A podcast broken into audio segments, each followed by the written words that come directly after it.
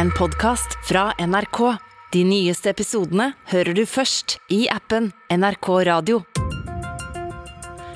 Nylig kunne man se unge kvinner utenfor Europaparlamentet i Brussel, der de holdt plakater formet som enorme mobiltelefoner i hendene sine. Og bak det hele et stort banner der det sto 'Stop Digital Violence Now'. De representerer en ny bevegelse som har fanget Europas oppmerksomhet. Kvinnene er med i Stopp Fisha og jobber for å få slutt på delegrupper på Snap og andre sosiale medier som sprer nakenbilder av unge jenter og identifiserer dem. Men denne voksne aktivistgruppa hadde kanskje aldri eksistert hadde det ikke vært for en student på 21 år. Franske Shanley McLaren, som en natt under korona ble gjort klar over at noe urovekkende var på gang av sin lillesøster. Hører på Oppdatert. Jeg heter Ragna Nordenborg. I'm Shanley. I'm a French student uh, studying political science, and yeah, I don't know what to say. Yeah, that's it. Dette er altså Shanley McLaren. Hun er den unge kvinnen bak Stopp Fisha, bevegelsen som har som mål å stoppe kontoer som sprer nakenbilder på nett. Martin Holvik er journalist i Oppdatert. Og denne aktivistgruppa har jo vokst i rekordfart, og nå snakker folk om den i hele Europa, selv om den startet i Frankrike. Ja, og dette her er jo en fascinerende og kanskje litt mørk historie. Hvor begynner den? Vi må tilbake til mars 2020 og den første lockdownen i Frankrike. For da måtte jo Shanley holde seg hjemme på pikerommet i utkanten av Paris. Sammen med lillesøsteren sin på 16 år, som bodde vegg i vegg. Mm. Og ikke mange dagene inn i nedstengningen så skulle jo Shanley oppdage noe skikkelig ubehagelig.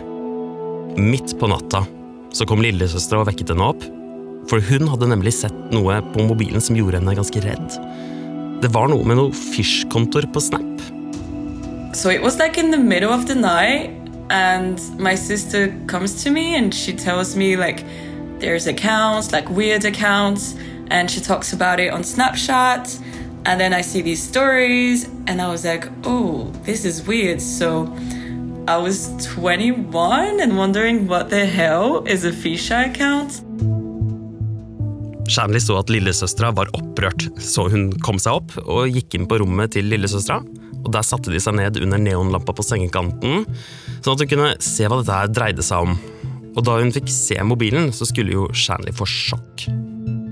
The first thing I saw is like big messages saying, yeah, uh, brothers, keep on sending me uh, fisha and nudes, and yeah, we will make this account grow and grow. And then I just like pressed the next button to switch on the next story, and then I saw all these images accumulating, and it was basically uh, intimate pictures.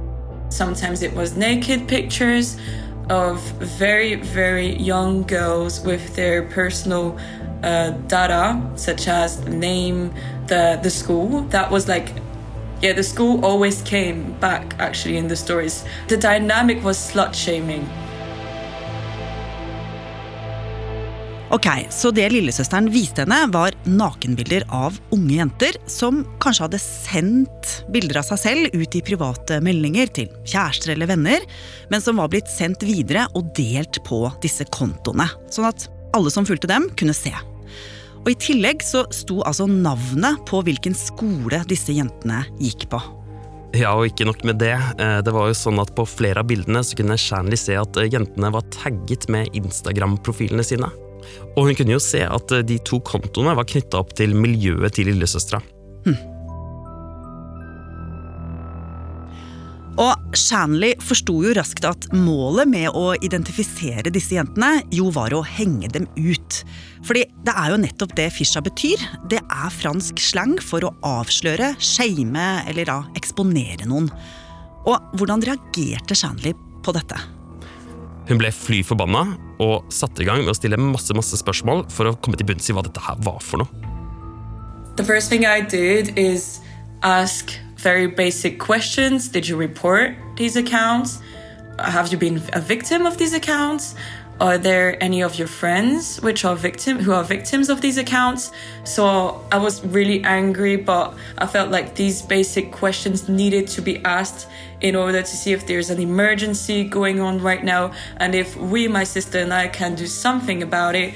And yeah i have to remind that this was in the middle of the night and yeah i just felt like the urge to react Og der og da, mens hun omtrent ennå var i pysjen, så begynte hun å jobbe for å få disse to kontoene stengt. Det første hun gjorde, var å rapportere kontoene til Snap. Men ifølge Shanley skjedde det ingenting. Så da begynte hun å søke på nett hvordan sånne kontoer kan slettes, og etter hard googling så fant hun fram til noen som kanskje kunne hjelpe henne. En fransk offentlig tjeneste som tar imot slike klager. Så det hun gjorde da, var at hun fortet seg å rapportere disse to kontoene. Og I tillegg så tok hun kontakt med alle de nærmeste vennene sine og ba dem om å gjøre det samme. Og utover natta så var det mange som slang seg på aksjonen. Og om morgenen, etter å ha fått seg litt søvn, så åpnet hun opp PC-en. Og da tikket inn en gledelig melding fra myndighetene. And then uh, they sent me an email back the next day they said, okay, the accounts are closed. We closed the accounts. And yes, the police knows and we, we're dealing with it. Thank you for your report. So that was it. That was my very first report. Så hun hadde altså fått det til på bare noen få timer. Merker at jeg egentlig blir litt overraska at det gikk så fort og bra. Ja, men selv om hun hadde fått ned disse to kontoene, så tok det ikke så lang tid før hun fikk seg en ny kalders. But then uh, the next day I discovered that there were like tens of them, you know? There were so many accounts created, I don't even remember how I saw them. But it's like a dominoes effect. When you find one account, you find several ones behind. I saw all these accounts with the names of different districts, different cities, different villages in France, and and I felt very overwhelmed and powerless. Og samme dag så bestemte hun seg for å ta affære. Hun startet en hashtag Stopp Fisha på Twitter. Hun beskrev problemet med disse kontoene og sa at de måtte stoppes, og prøvde å skape så mye oppmerksomhet som overhodet mulig. Og like etterpå så kunne hun se at dette engasjerte flere. For hashtagen begynte å spre seg i rekordfart. Ja, og da begynte det jo også å renne inn med historier og meldinger på mobilen hennes. Og hun skjønte at problemet var mye større enn hun hadde ant. Blant annet gjorde historien til en ung jente veldig inntrykk på henne. Another one was a young girl. She was uh, 14 years old.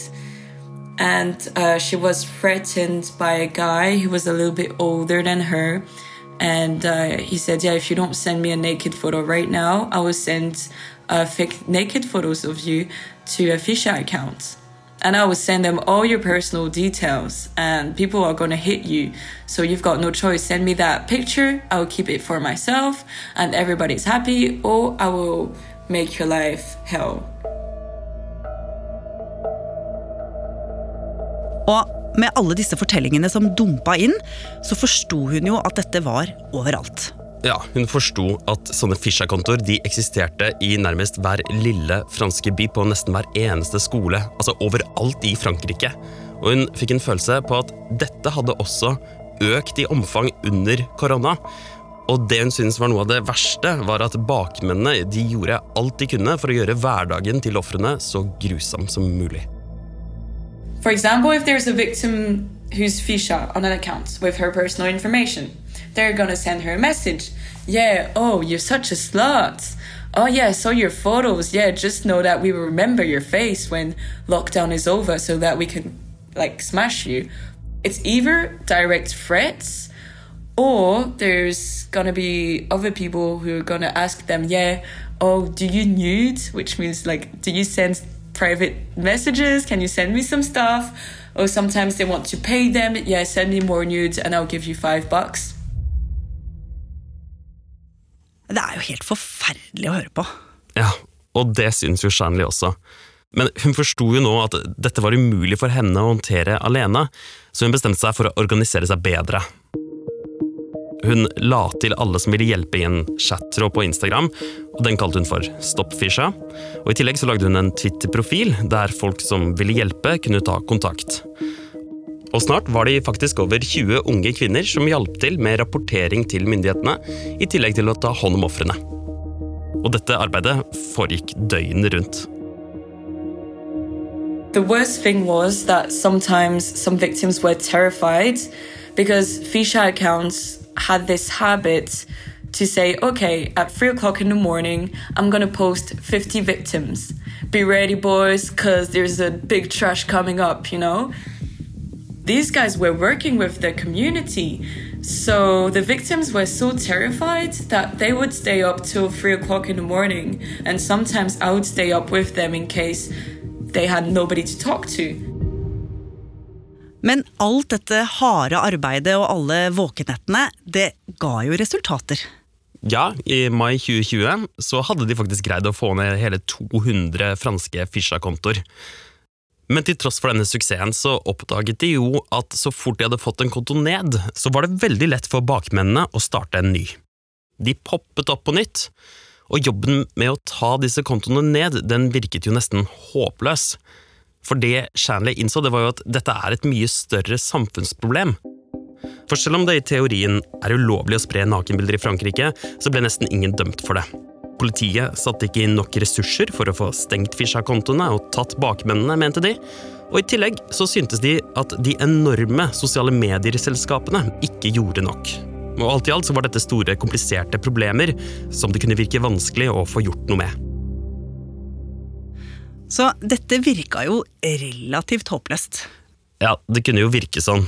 Men heldigvis så skulle det skje noe som kunne få opp håpet. En somme, nous allons retrouver pleinement la France. For i juni 2020 så lettet Frankrike på tiltakene. Og med det så kunne jo denne gjengen av disse frivillige kvinnene, som bare hadde sett hverandre på nett, de kunne endelig møtes i virkeligheten og snakke strategi. Og det gjorde de da over en kaffe hjemme hos Shanley. Og i november 2020 så hadde de planen klar.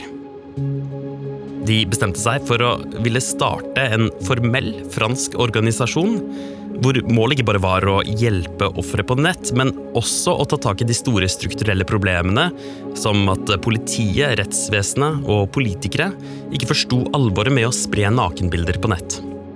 It was great to know that we were officially a stable and solid organization because when you see all the path, everything we've been through, it was so rough. It was very, um, very aggressive, and we lacked uh, specific tools. And being an organization, it kind of marks a new page. It turns a new page. Ja, og fra nå av skulle Shanley få mye å gjøre i tillegg til studiene. For med en formell organisasjon som hadde ti grunnleggere og opp mot 100 frivillige, så var det mange ting som skulle gjøres. De begynte med skolebesøk og holdt foredrag om nettvett. De gikk ut i gatene og tapetserte bygninger med organisasjonsnavnet Stopp Fisha. Maeva er cofondatrice du kollektiv feminist Stop Fisha. De publiserte råd på Insta-profilen om hva du kan gjøre dersom det blir spredt nakenbilder av deg. Si comme moi tu t'es senti coupable, Honteuse. Dépossédée. impuissante, stop Fisha. Og alt dette arbeidet førte til at pressen begynte å legge merke til dem. Maeva est cofondatrice du collectif féministe Stop Fisha. Alors du coup Fisha ça veut dire euh, affiche en verlan. On a juste à taper Fisha sur Snapchat ou même sur Telegram et puis on trouve. The main goal of the Stop Fisher organisation, which translates as Stop Humiliation, is to close down these accounts.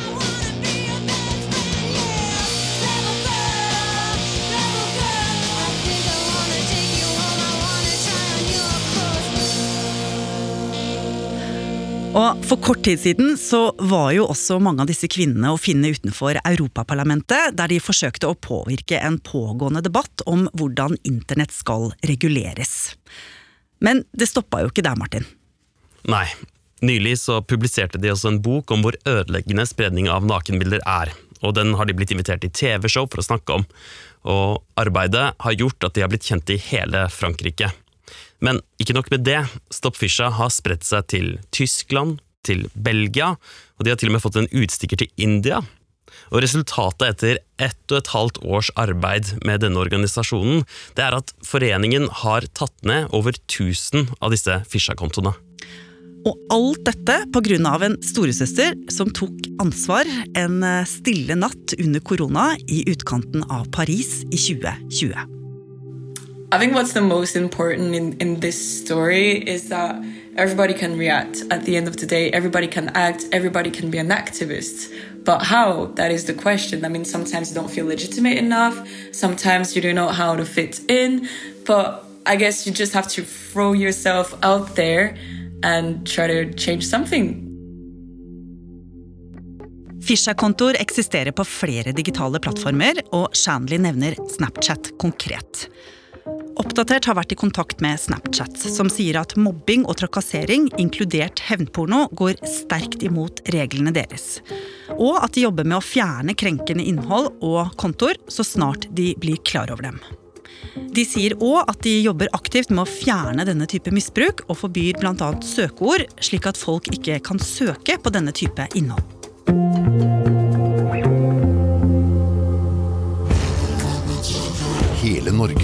Norge kryssforhører, etterforsker, analyserer og avslører bløff. Hei, jeg heter Sara Natasha Melby. I Maskorama-podkasten får du eksklusive hint som du ikke får noe annet sted. Bare i appen NRK Radio. Gjett hvem som skjuler seg bak maskene. Hør Maskorama-podkasten i appen NRK Radio. Oppdatert er en podkast fra NRK Nyheter. Og denne episoden er laget av Martin Holvik, Andreas Berge og meg, Ragna Nordenborg. Programredaktør er Knut Magnus Berge. Vil du kontakte oss, gjør gjerne det på oppdatert krøllalfa nrk.no. Du har hørt en podkast fra NRK. De nyeste episodene og alle radiokanalene hører du i appen NRK Radio.